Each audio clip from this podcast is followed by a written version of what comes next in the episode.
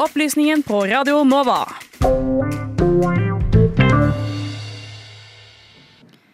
På alle landets største aviser så har det vært flerfoldige nyhetssaker med Erna Solberg på bildet. Eh, og for en uke siden så kalte Erna Solberg inn til en pressekonferanse hvor hun la ut om at hennes ektemann Sindre Finnes han hadde drevet med aksjehandel mens hun var stot, eh, statsminister, mener jeg.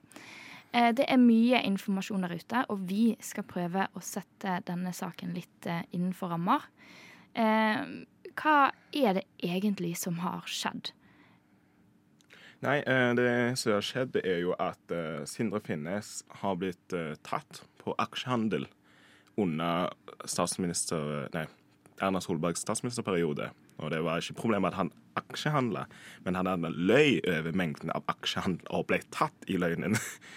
er det som er kjernen av alt. Og Ernas eh, habilitetsvurdering ut ifra alt dette her. Eh, hvor mange aksjer var det han hadde Hva blir det, hva er det riktige terminologien? Solgt? Kjøpt? Solgt, solgt og kjøpt. Um, det var vel oppi 3006? Ja, nei, jeg fant en uh, artikkel fra Nettavisen. Mm. Det sto uh, her sitat. Finnes foretok seg 22 handler på tampen av Solbergs periode som statsminister, selv om han inntil da hadde forklart at hans aktivitet var betydelig redusert. Mm. Ja. Så, men det er jo snakk om 1,8 millioner som han uh, fikk ut av det her. Men når vi tenker litt over uh, hvor mange år er det her snakk om, Eh, var det åtte? Det, ja, det ja. starta jo siden ja, 2013 perioden er jo det mest relevante. Til, 2013 til 2021, ja. Uh, så 1,8 er jo egentlig ikke med gåsetegn så mye, men eh, det er fortsatt mye. Ja, uh, prinsippet er jo ikke tenk, er jo at um, er jo at det handla om det var en inside-informasjon tatt, tatt i. Ja. Så eh, ja. For det var jo eh, den, den, listen, var de 22 aksjehandlene som eh, eh, Sindre Finnes Det var jo E24 som publiserte rett før valget. Eh, og så ba de da eh, Erna Solberg, og sammen med da Sindre Finnes, om å gi en, en fullstendig liste over absolutt alle aksjene handlene som han hadde fordrevet seg med under den tidsperioden. da. Og sist jeg sjekket, så var det oppe og nikket på over 3500 stykker. Um, og det er jo litt sånn som uh, vi har nevnt her. Jeg lurer egentlig litt på hvorfor er det et problem at det var liksom Erna Solberg uh, uh, Hvorfor er det et problem for Erna Solberg at Sindre Finnes handlet aksjer? Ja, det var under hennes statsministerperiode, men det var jo ikke hun som gjorde det. Nei. Det er, det er jo det, men hovedpoenget er jo at hun var inhabil i fryktelig mange saker som ble behandla av regjeringen. Det eh, er jo de TFO-rundene i Nordsjøen og uh, Sverdrup-feltene som skulle ut. I det tidspunktet så handla òg i tillegg ektefellen til Solberg aksjer i store uh, oljeselskaper som var tilkobla alle disse her. Så da skulle hun ha etter politisk håndbok stilt seg inhabil. Men det gjorde hun ikke. Nei, ikke sant. Det var jo også ifølge, en, um, ifølge NRK så hadde jo han fått beskjed om at du må være varsom. Og varsom betyr ikke at du ikke skal gjøre det i det hele tatt, men bare ikke Du kan ta det i gråsonen, da, men at du kan på en måte bare ikke bli tatt. Ja. Uh, og da Alt handler om hvordan man omformulerer det. Mm. Og, og Altså, ja, det er jo som dere sier, at eh, hvor går grensa? Ja, og det, jo, det var jo litt sånn som du nevnte i sted, Ludvig, med sånn der innsidehandel. At det er jo en del som er på en måte redde for at det skal ha skjedd. Så sier jo Erna at er bastant, det har ikke skjedd. Men at hun ikke, tror ordet hun brukte, kategorisk kan si eh, at eh, på en måte han ikke har fått noe informasjon i det hele tatt men bevisst Så hun på en måte Så eh, Ord og sånn.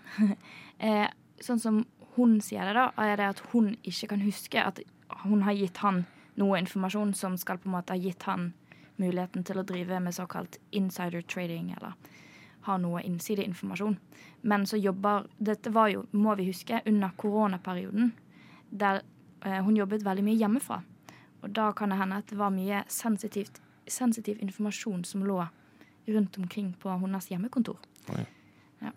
Ehm, og da uh, lurer jeg på, har noen av dere uh, forstått hva prosessen videre er nå?